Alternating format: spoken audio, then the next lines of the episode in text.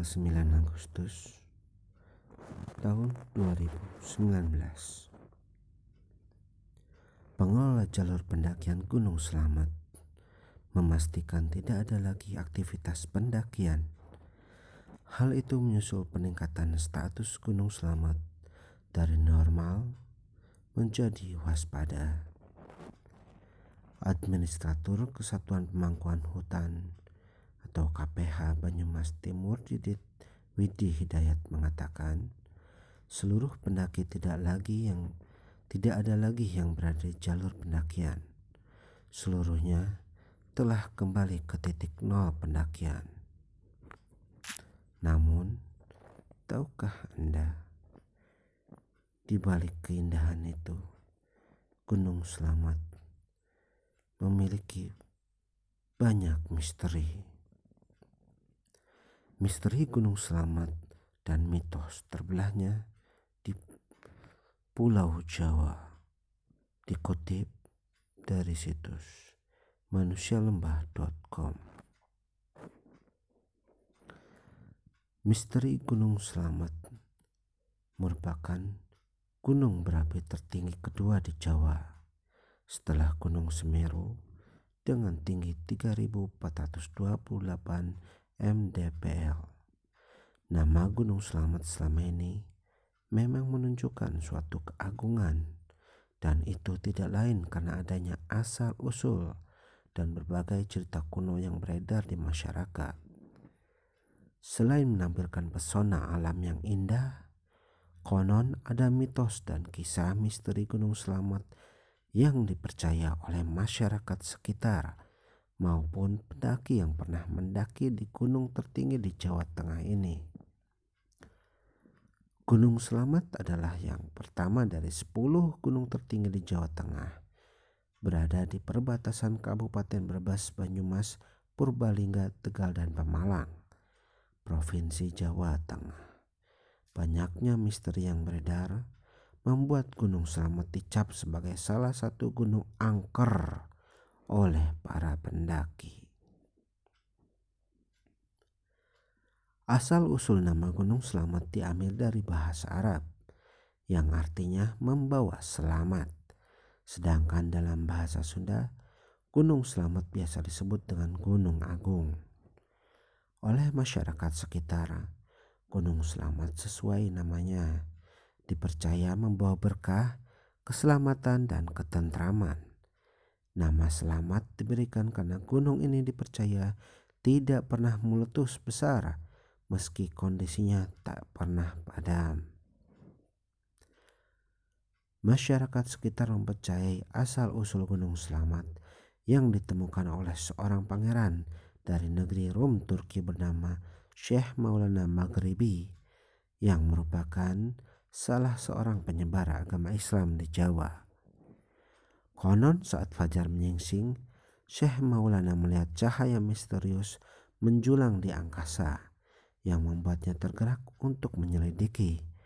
Pangeran ditemani oleh ratusan pengawal dan pengikut setianya Haji Dato.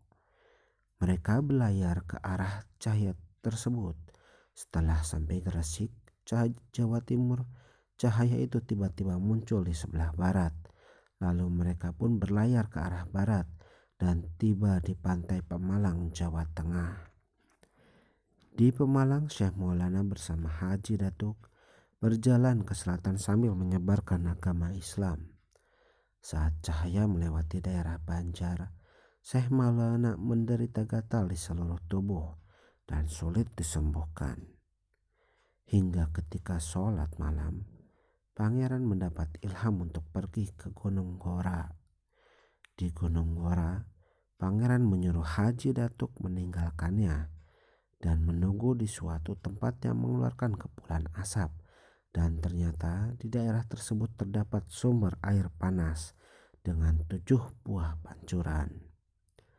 Di lokasi inilah Syekh Maulana berobat dengan mandi secara teratur hingga akhirnya penyakit yang dideritanya sembuh Akhirnya pangeran menamai tempat ini Pancuran Tujuh. Lalu Syekh Maulana memberi gelar Haji Datuk dengan sebutan Rasuludi yang dalam bahasa Jawa berarti Batur Kang Adi atau dalam bahasa Indonesia Abdi yang setia. Kemudian desa itu dikenal dengan nama Batu Radi yang lama kelamaan menjadi Batu Raden. Gunung Selamat merupakan salah satu pusat pemersatu di wilayah Jawa Tengah dan Jawa Barat. Bila dilihat dari letak geografi, Gunung Selamat membentang dari utara ke selatan yang dikelilingi lima wilayah kabupaten yang berbatasan langsung. Jika dilihat di peta, kondisi ini membentuk suatu garis lurus dari utara ke selatan. Sejak pertama meletus, Gunung Selamat tidak pernah diam letusan Gunung Selamat akan membentuk rekahan besar yang membujur dari laut utara ke selatan yang akan diisi air laut hingga menyatu sehingga wilayah barat dan timur akan menjauh. Mitos Gunung Selamat yang letusannya bisa membelah Pulau Jawa kerap kali menghantui masyarakat yang percaya.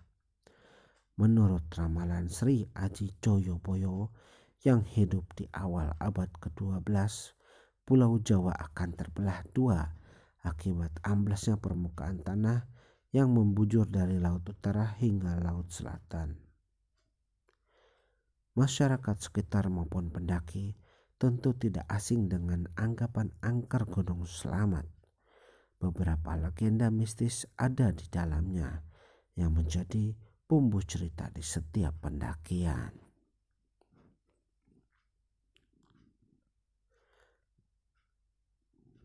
Misteri Gunung Selamat yang tak asing lain adalah makhluk kerdil di jalur pendakian Gunung Selamat via Kuci. Konon makhluk tersebut dulunya adalah pendaki yang tersesat dan coba bertahan hidup dengan memakan daun hingga lama kelamaan kehilangan jati dirinya sebagai manusia.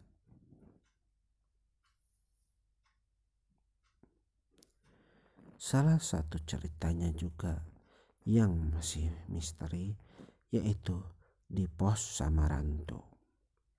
Samarantu berasal dari kata samar dan hantu yang cukup terkenal di pendakian Gunung Selamat lewat jalur Bambangan. Konon banyak makhluk gaib yang akan mengganggu pendaki jika bermalam di pos ini. Pos ini dinamakan Semarantu karena adanya hantu yang samar-samar akan menyerupai manusia ketika mengganggu para pendaki.